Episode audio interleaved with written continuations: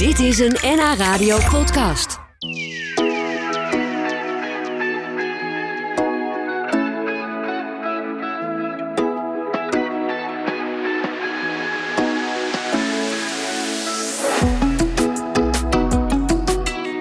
Renata Veel is hier te gast in, uh, in de studio. En, uh, uit Amsterdam, maar ze groeide op in een groot gezin in wat meer het zuiden van het land. Zuid-Holland hebben we het dan natuurlijk over. Ouders die niet zo heel erg veel aandacht konden opbrengen voor de jongste kinderen. En wat ook niet meehielp om haar plekje in het gezin te veroveren... was dat ze qua uiterlijk eigenlijk helemaal niet op haar broers en zussen leek. ze voelde zich een buitenstaander. Hoe dat was en wat dat voor haar latere leven betekende... daar schreef ze een mooi boek over. En dat boek dat heet Morgen ben ik je bruid... Uh, Renate, welkom. Renata heet het met een A. Ja. Uh, ik moest meteen aan Wilke Alberti denken. Ja, dat is, dat is niet zo gek natuurlijk. Nee, hè? nee, nee, nee. En jij bent ook van uh, mijn generatie, denk ik. Dus, uh, ja, dan, dan kennen we dat natuurlijk. Dan en, weten we dat. Zij had, een, zij had een enorme grote hit met Morgen ben ik de bruid. Je hebt het een klein beetje veranderd. Een klein beetje, beetje ja, vrijheid daarin. gemaakt. En dat mag natuurlijk ook gewoon. Nou, ik, ik, we hebben het boek natuurlijk hier uitgebreid bekeken en, en gelezen. Ook voor een groot deel. Ik heb het nog niet helemaal uit kunnen lezen, maar dat gaat zeker nog gebeuren. het is een, een autobiografisch verhaal, maar de namen zijn veranderd. Hè? We hebben het hier over het hoofdpersonage Cato. En uh, dat is ja, iemand die, eh, die, eh, die toch af en toe best wel wat moeite heeft met het leven. In die zin dat ze ja, toch in de jeugd lastig heeft gehad. En daar op latere leeftijd toch ook wel best wel wat mee te maken heeft gehad. Um, is, is Cato iemand die echt heel erg anders is dan jij zelf? Nee. In dat opzicht lijken jullie op elkaar. Precies. Ja, maar toch vond je het wel nodig om te denken van ja, ik ga dit niet als mezelf doen. Ik wil graag uh, de dichterlijke vrijheid hebben om Cato toch ook wel, uh, wel, wat andere dingen te kunnen laten beleven. Die, net, die niet per se uit het echte leven zijn gekomen. Maar de rode draad is er wel hè? Ja, zeker. Ja. Waarom wilde je dit boek schrijven? Um, in 2014 heb ik een uh, angstpsychose gekregen en daarna een depressie. En dat heeft uh, vijf jaar geduurd voordat ik daar doorheen was. En toen wilde ik eigenlijk snappen waarom het zo vreselijk mis was gegaan. Ja. En toen ben ik gaan schrijven. En, en, en dat was eigenlijk op dat moment voor het eerst dat je, dat je dacht aan, aan nou, hoe je bent opgegroeid, wat er toen allemaal gebeurd is. Dat is op dat moment dat die psychose kwam, is eigenlijk het ding ook geland. Nou, ik ben uh, eigenlijk begonnen uh, met schrijven bij uh, de inval. Daar heeft in mijn leven een inval van een arrestatieteam van de politie plaatsgevonden in mijn huis. En ehm, dat was voor mij eigenlijk het, het eikpunt van, van waaraf ik gewoon alleen maar in een overlevingsmodus heb gestaan. Om, ja, om door het leven heen te komen. En uh, als schrijvende na een jaar kwam ik erachter dat het eigenlijk het verhaal begint daar waar je wieg heeft gestaan. Omdat anders mensen niet snappen waarom je reageert zoals je reageert. Ik wil toch even terug naar die inval. Want ik kan me voorstellen dat er nu heel veel luisteraars van NH denken... een inval, jeetje, wat heftig. Ja. Wil je daar iets over vertellen? Ja, ik kan er wel iets over vertellen. Ik uh, was op zoek naar de liefde. En ik had de pech dat ik uh, op een contactadvertentie in de krant had gereageerd. En die advertentie was gezet door iemand die, uh, ja, door een psychopaat. En uh, dat wist ik niet. En ehm, ik heb maar één keer een date met die man gehad. Maar een jaar later ehm, stond hij voor de deur en toen was hij voortvluchtig voor een moord. En degene waarmee die voortvluchtig was, dat was een moeder van een kind van tien jaar. En die man had dat kindje vermoord samen met de vrouw. Jeetje, wat heftig. Ja, en uh, die vrouw had zich bij de politie aangegeven en die zei van. Uh, uh, ik weet waar hij heen is. Hij is naar Renate Veel. En dus hebben ze een inval in mijn huis gedaan. En dat is eigenlijk het startpunt geweest voor jou om uh, nou ja, dit boek eigenlijk te schrijven. Want ja, na, hè, na wat ja. ontzwervingen ben je erachter gekomen van... hé, hey, uh, de wieg heeft een belangrijke rol gespeeld. De plek waar die stond en de omgeving die daarbij hoorde. Um, ik wil zo meteen uitgebreid met je natuurlijk over dat boek gaan praten. Um, maar hoe voel je, want daar ben ik wel even benieuwd naar. alles is uiteindelijk opgeschreven, het boek is er. Ja. is dat een opluchting voor je geweest? Is er iets van je afgevallen? Of ben je gewoon ontzettend trots op het feit dat je het gedaan hebt? Nou, het is echt een. Uh, ik voel me heel trots. En uh, ja, iedereen is lovend over het boek. En uh, ik, voel, ja, ik voel me zo omgeven door mensen die me allemaal eh, ja, eigenlijk een heldin vinden. dus, dat is toch ook wel fijn om te horen, kan ik me voorstellen. Ja. ja. Eh, hoeveel broers en zussen heb je eigenlijk? Tien. 10, dat is nogal een eh, behoorlijk aantal, hè? Ja, ja dat is echt heel veel. En, en hoe ging dat vroeger? Want als ik terugdenk aan mijn jeugd, ik heb twee zusjes en dat was eigenlijk altijd haat en uit. Uh, tot we volwassen waren pas. En toen is het goed gekomen. Hoe, hoe gingen jullie met elkaar om?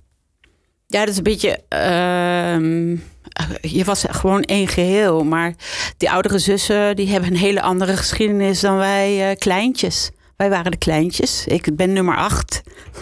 dus u kwam er echt een beetje achteraan? Ja, we kwamen er echt een beetje achteraan. Nou, nou, is het wel zo, dat, dat, uh, dat begreep ik ook uit jouw boek. Uh, je ouders, jullie ouders, die waren eigenlijk niet zo heel erg veel erg ja, in de buurt. Met, met, om het huishouden bijvoorbeeld in goede banen te leiden. Maar ik las ook in jouw boek, jouw vader die, die stapte op de fiets s ochtends. Die ging ergens naar een plek waar het blijkbaar niet zo heel erg leuk was. Want hij kwam vaak niet heel vrolijk thuis s avonds. En ze lieten jullie een beetje aan jullie lot over, hè? Nou, het, het komt eigenlijk ook omdat je uit zo'n groot gezin komt. En het was denk ik in die tijd ook heel normaal. Um, de grote zorgde voor de kleintjes. En je moet je voorstellen, mijn moeder die was de hele dag alleen maar bezig met uh, dat huishouden runnen. Luiers werden gekookt op het vuur. Ehm, uh, ja, er, uh, er, was een wasmachine met een mangel, uh, dat soort dingen. Hè? Om, om het een beetje droog te draaien. En mijn vader, ja, mannen deden ook gewoon helemaal niks in het nee. huishouden. Althans, in traditionele gezinnen was het heel normaal dat een man thuis kwam en achter de krant verdween met zijn pijp of zijn sigaar. En je moeder die was voor die, voor die tien kinderen dus ja. de hele dag maar was aandraaien, eten, ja. boterhammen smeren. Nou, noem ja. het allemaal maar op om dat gezin maar draaiende te houden.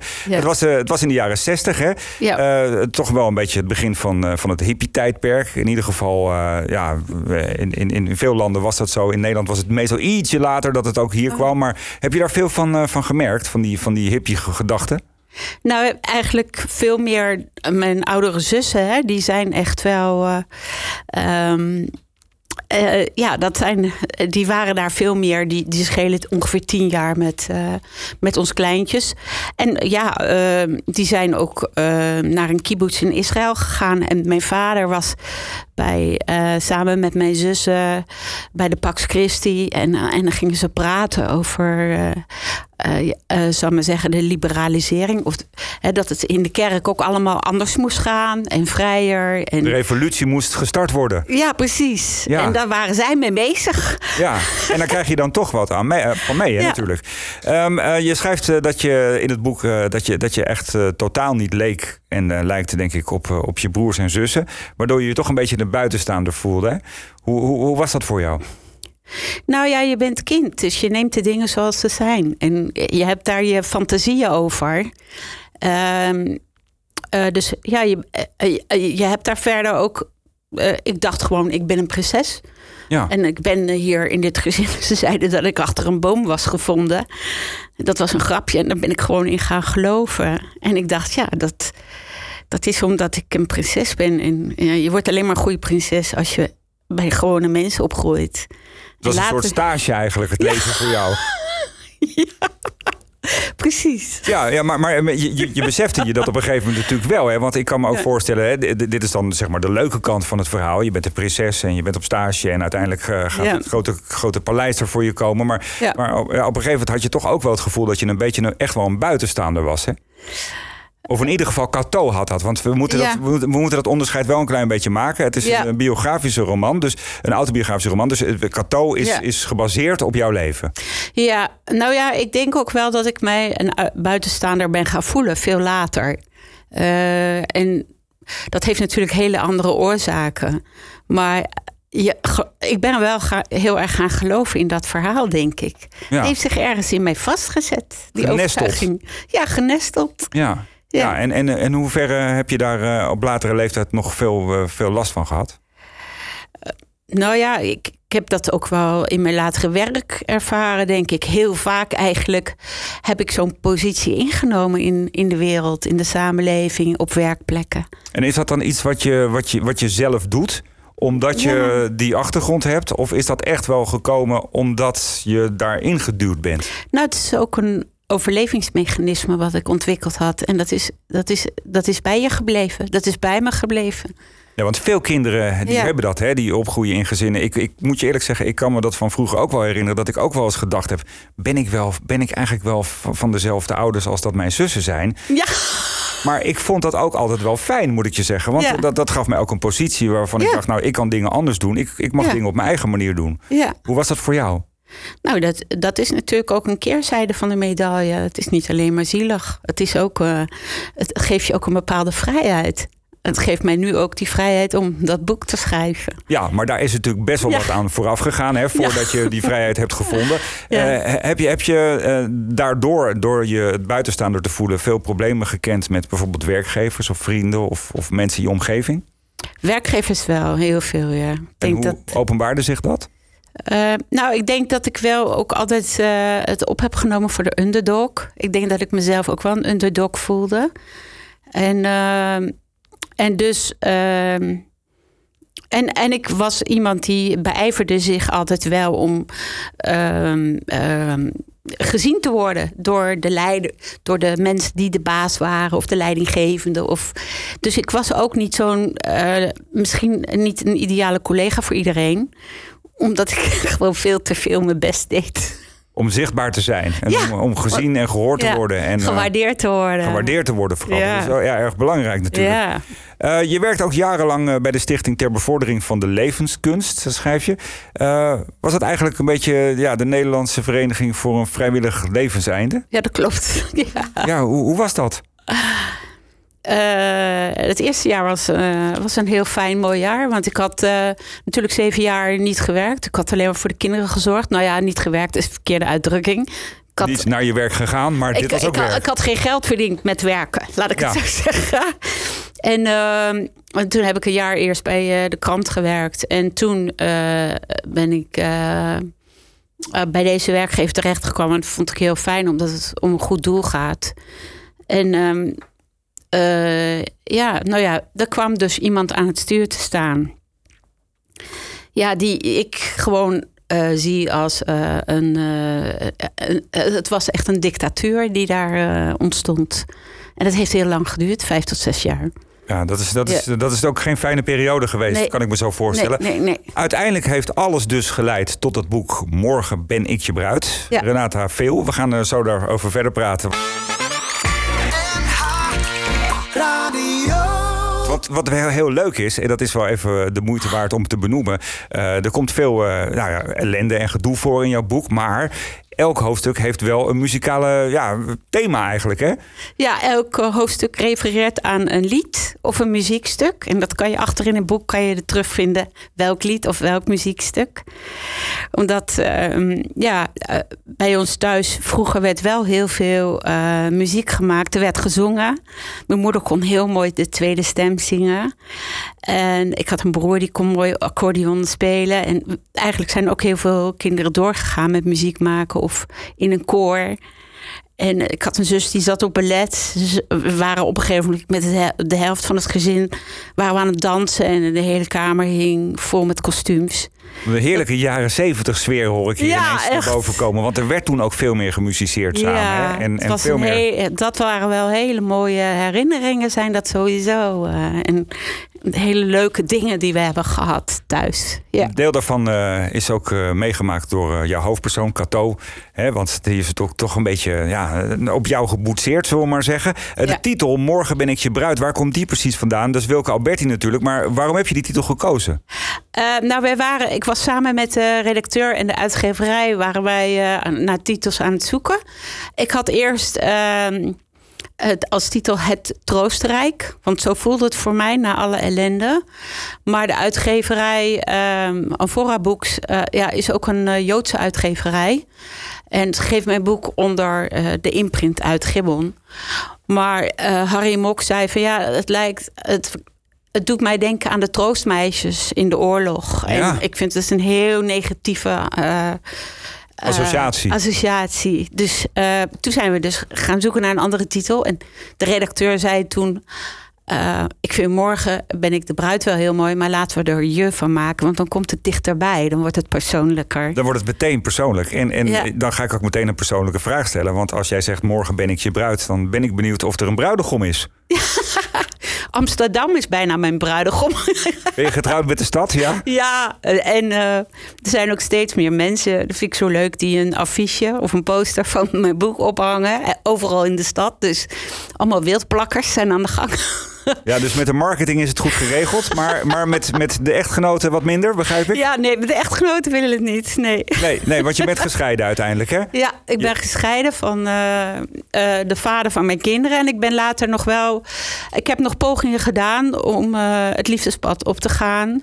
Maar ja, mijn kinderen waren nog jong en ik vond het te ingewikkeld. Het, het leverde iedere keer een loyaliteitsconflict op. Ook naar de vader en ook naar de kinderen. En ik ben op een gegeven moment heb ik gewoon besloten. Uh, dat moet ik gewoon nu niet willen. Dus je hebt jezelf weggecijferd in dat opzicht. Ja. Nou zijn je dochters nu uh, nou, een beetje volwassen. Hè? Je vertelde net buiten de uitzending al dat ze allebei een uh, prachtige opleiding doen. En uh, ontzettend gelukkig zijn dat het goed met ze gaat. Hun, hun, vader die heeft uiteindelijk wat psychische problemen gekregen. En, en jij hebt daar zelf natuurlijk, vertelde je net ook al, ook behoorlijk mee te maken gehad. Hoe is dat nu met je? Het gaat nu eigenlijk psychisch heel goed. Um, alleen, ja, ik ben natuurlijk in augustus vorig jaar ben ik gevallen met uitlaat van de hond. Ik heb te horen gekregen dat ik ongeneeslijk ziek ben. Mijn borstkanker is uitgezaaid in mijn botten. Oh jee. Dat is heel gek, want het heet nog steeds borstkanker, maar dan in de botten. Maar ja, ik ben eigenlijk gewoon meer en beter gaan leven dan ooit. Dus ik ben eigenlijk, wat op de boekpresentatie zo mooi werd gezegd, uit mijn schaduw gestapt. En uh, ja, ik, uh, ik geniet eigenlijk in volle teug. En gelukkig gaat de, de behandeling, de hormoontherapie, slaat goed aan. Ze hebben me nog een paar jaar kwaliteit van leven gegeven. Dat is fijn. Ja, dat is heel fijn. En ik, soms schik ik heel erg. Dat ik denk, oh, nog een paar jaar. er is al bijna een jaar om. Maar ja, god, aan de andere kant is het heel belangrijk om het los te laten. Ik maakte gisteren nog een grapje naar mijn dochter. Ik, was, ik had in een winkel uh, tweedehands kleren gekocht, vier dingen. En ik had mezelf verwend. Ik zei, nou, dat moet dan maar van het geld voor de uitvaart af. Hoe reageerde je dochters daarop? Ik vond het niet leuk. Nee, dat, dat komt wel dichtbij heel natuurlijk. pijnlijk. Maar voor jou een manier om ermee om te gaan. Absoluut. Denk ik. Absoluut. Net als het boek. Want ja. Uh, ja het, het, boek uh, heb je natuurlijk geschreven. Hè? Nogmaals, Cato is uh, degene die de rol van jou speelt in, in, in deze roman. Morgen ben ik je bruid. Um, um, ja, ik, ik kan me voorstellen dat, dat er wat van je afgevallen is. Dat Cato eigenlijk een deel van, van de bagage op haar heeft genomen. En zij is natuurlijk de tool om het verhaal te vertellen. Um, maar dat schrijven, dat is niet iets wat, uh, wat bij jou... want het klinkt nu een beetje zo van uh, een, een debuutroman. Je bent uh, gisteren begonnen met schrijven. Dat is niet het geval, want je doet al nee. heel lang schrijf je poëzie. Ja. en ook best wel met veel succes. Je hebt ook stukken, columns, dat soort dingen geschreven. En, ik begreep, er komt een nieuw boek aan. Ja, ik heb eigenlijk al samen met mijn dochter... die dus... Uh, heel goed kan tekenen en ook nu een opleiding in tekenen doet, hebben we een boek geschreven met korte verhalen in coronatijd. Hebben we samen gemaakt, heel mooi. En uh, nou ja, dat wacht, uh, dat, dat, dat ligt thuis te wachten. En ik heb ook, toen ik te horen kreeg dat ik nog een paar jaar te leven heb, um, een boek korte verhalen geschreven, een paar jaar kwaliteit van leven.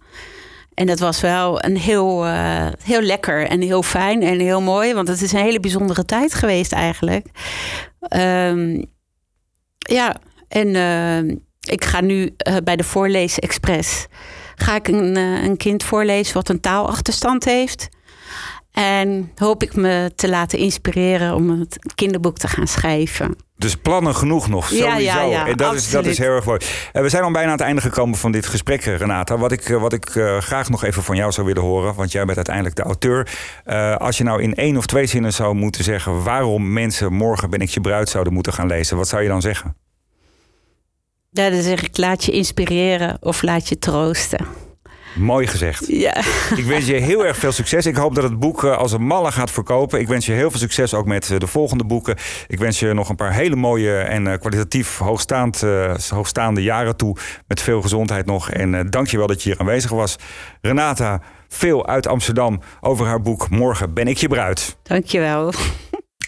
Dit was een NH Radio podcast. Voor meer, ga naar nhradio.nl NH Radio